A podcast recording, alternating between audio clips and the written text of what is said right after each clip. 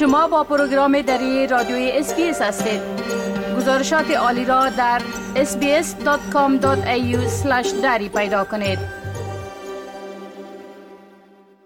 شنونده های عزیز در ماه سپتامبر در استرالیا کارزاری برای بلند بردن آگاهی درباره سرطان پروستیت که یکی از کشنده ترین امراض سرطانی در ای کشور است راه اندازی میشه. همکار ما فتی سامی در این مورد معلومات تهیه کرده که او را اینک با ما و شما شریک می سازن. آقای سامی سلام عرض می کنم خب چنانچه قبلا ما گفتم هدف از برگزاری ماه سرطان برای بلند بردن آگاهی درباره بیماری سرطان پروستیت است. اگر شما لطفا بگوین که ای آگاهی چطور داده میشه و چی فعالیت های میشه در ای ماه؟ بله سلام با شما و شندای محترم. خدمت عرض شده همطور که شما در مقدمه اشاره کردین این ماه آگاهی برای خطر ابتلا به بیماری سرطان پروستیت است یا پروستیت است و قبل از اینکه به این خطر تبدیل شود باید به تداویش اقدام شود. در باز از کشورها تعداد مردانی که از سرطان میمونند بیشتر از تعداد زنها است که از سرطان پستان سینه جان میتن در دو دهه اخیر شمار مبتلایان به این بیماری در بسیاری کشورها افزایش یافته و پس از سرطان ریه یا شش و سرطان روده بزرگ قربانی بیشتر دارد و دومین عامل مرد در میان مردا به شما میره بسیار مهم است که مردم از این بیماری آگاهی داشته باشند. سرطان پراستیت قابل پیشگیری نیست. علل آن ناشناخته است. اما عواملی که می‌تواند خطر را افزایش دهد عبارت از سن بالا از 60 تا 79 و سابقه خانوادگی یا ارثی است. سرطان پروستیت با 20 هزار تشخیص و نزدیک به 3300 مرگ در سال شایعترین سرطان در مردان استرالیایی است که تشخیص میشه سرطان پروستیت دومین سرطان رایج در مردم در استرالیا و سومین علت مرگ و میر ناشی از سرطان است. به طور تخمین 18110 مورد جدید سرطان پروستیت در سال 2020 در استرالیا تشخیص شد. از هر شش مرد یک نفر تا سن 85 سالگی به سرطان پروستیت مبتلا میشه و این بیماری در مردان مسن شایدتر از طور قبلا گفتم و بیش از 63 درصد موارد سرطان پروستیت در این کشور تشخیص داده میشه. اما ضرور نیست که همه بمیرن. یعنی تشخیص میشه. بهترین شانس برای زنده ماندن از این بیماری تشخیص زودنگام است. یافتن زودنگام به این است که گزینه های درمانی بیشتر وجود دارد و چانس زنده ماندن بیشتر می سازد برای مردان در هر سن مهم است که بدانند چی کار را می توانند برای کمک به تشخیص زودنگام سرطان پروستیت انجام بدن مثلا ما می خواهیم همه مردان البته نهادهای بیداشتی میگه که ما می خواهیم که همه مردان بالاتر از سن 50 یا چل سالگی در صورتی که سابقه خانوادگی داشته باشند با عنوان بخش از معاینات منظم سلامت خود با دکتر عمومی خود در بابت آزمایش سرطان پروستیت صحبت بکنم. کارهایی وجود داره که می‌توانند انجام بدن که ممکن است خطر ابتلا به این مرض کاهش بدن.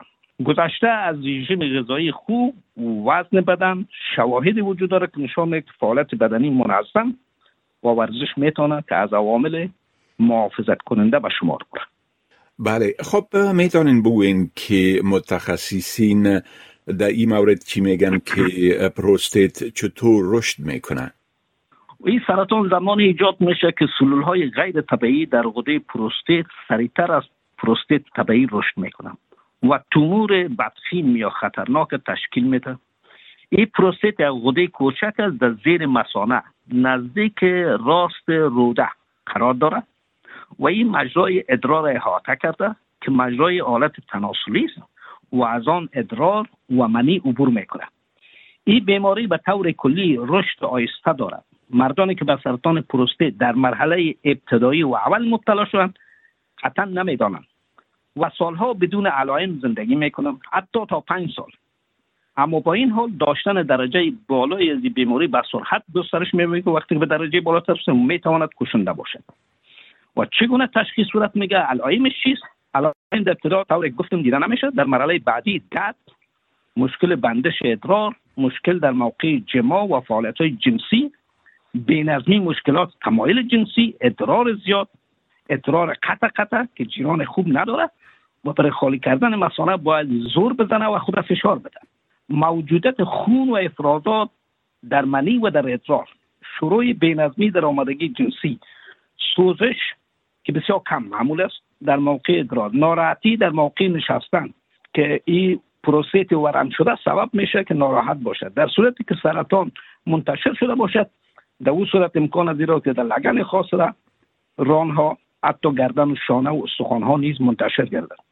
و از دازن وزن جمع شدن مایع در پایها خستگی و کسالت و تغییر در عادت رفع حاجت. اما متاسفانه آزمایش های کنونی برای سرطان پروستیت بر از اینکه تفکیک شود که نیاز به درمان تهاجمی یا حتمی و سرطان هایی که باید بال خود را شوند در کدام حالت است و متاسفانه میگن که آزمایش های کنونی برای تشخیص سرطان prostate خوب نیست که آیا سرطان نیاز به درمان جدی و تهاجمی دارد و یا جدی نیست و باید به حال خود رها باشد.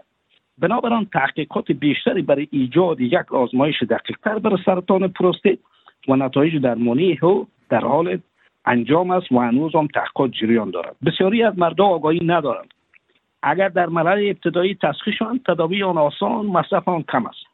معمولا پس از سن 50 سالگی طوری که گفتم آزمایش های مختلف برای تشخیص سرطان پروستیت به کار میره اما هیچ آزمایش 100 درصد قابل اعتماد نیست.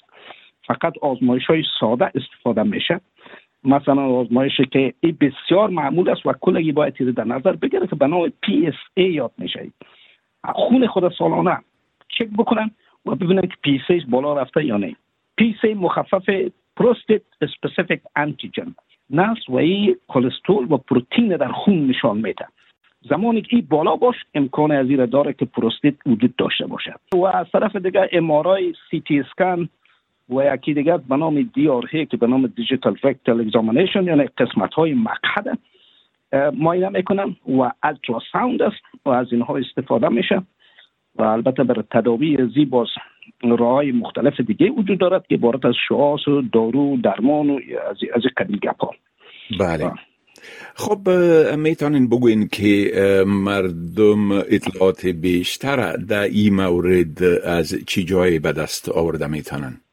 بهترین روی است که گوگل بکنن و www.australiaprostatecenter.org اگر بله. اینجا گوگل کنن می‌تونن معلومات مورد نظر خود به دست و در تمام ایالات استرالیا نهادهای مختلف برای مبارزه علیه از وجود داره و حتی دکترای خانوادگی می‌تونن که پرسان بکنن و اونا برشان راهنمایی می‌کنن برای خب آقای سامی از این معلوماتتان تشکر و فعلا شما را به خدا می سپارم و روز خوش برتان آرزو می کنم همچنان به شما. خدا حافظ سلام علیکم.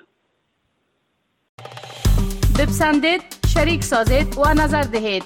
اسپیس دری را در فیسبوک تعقیب کنید.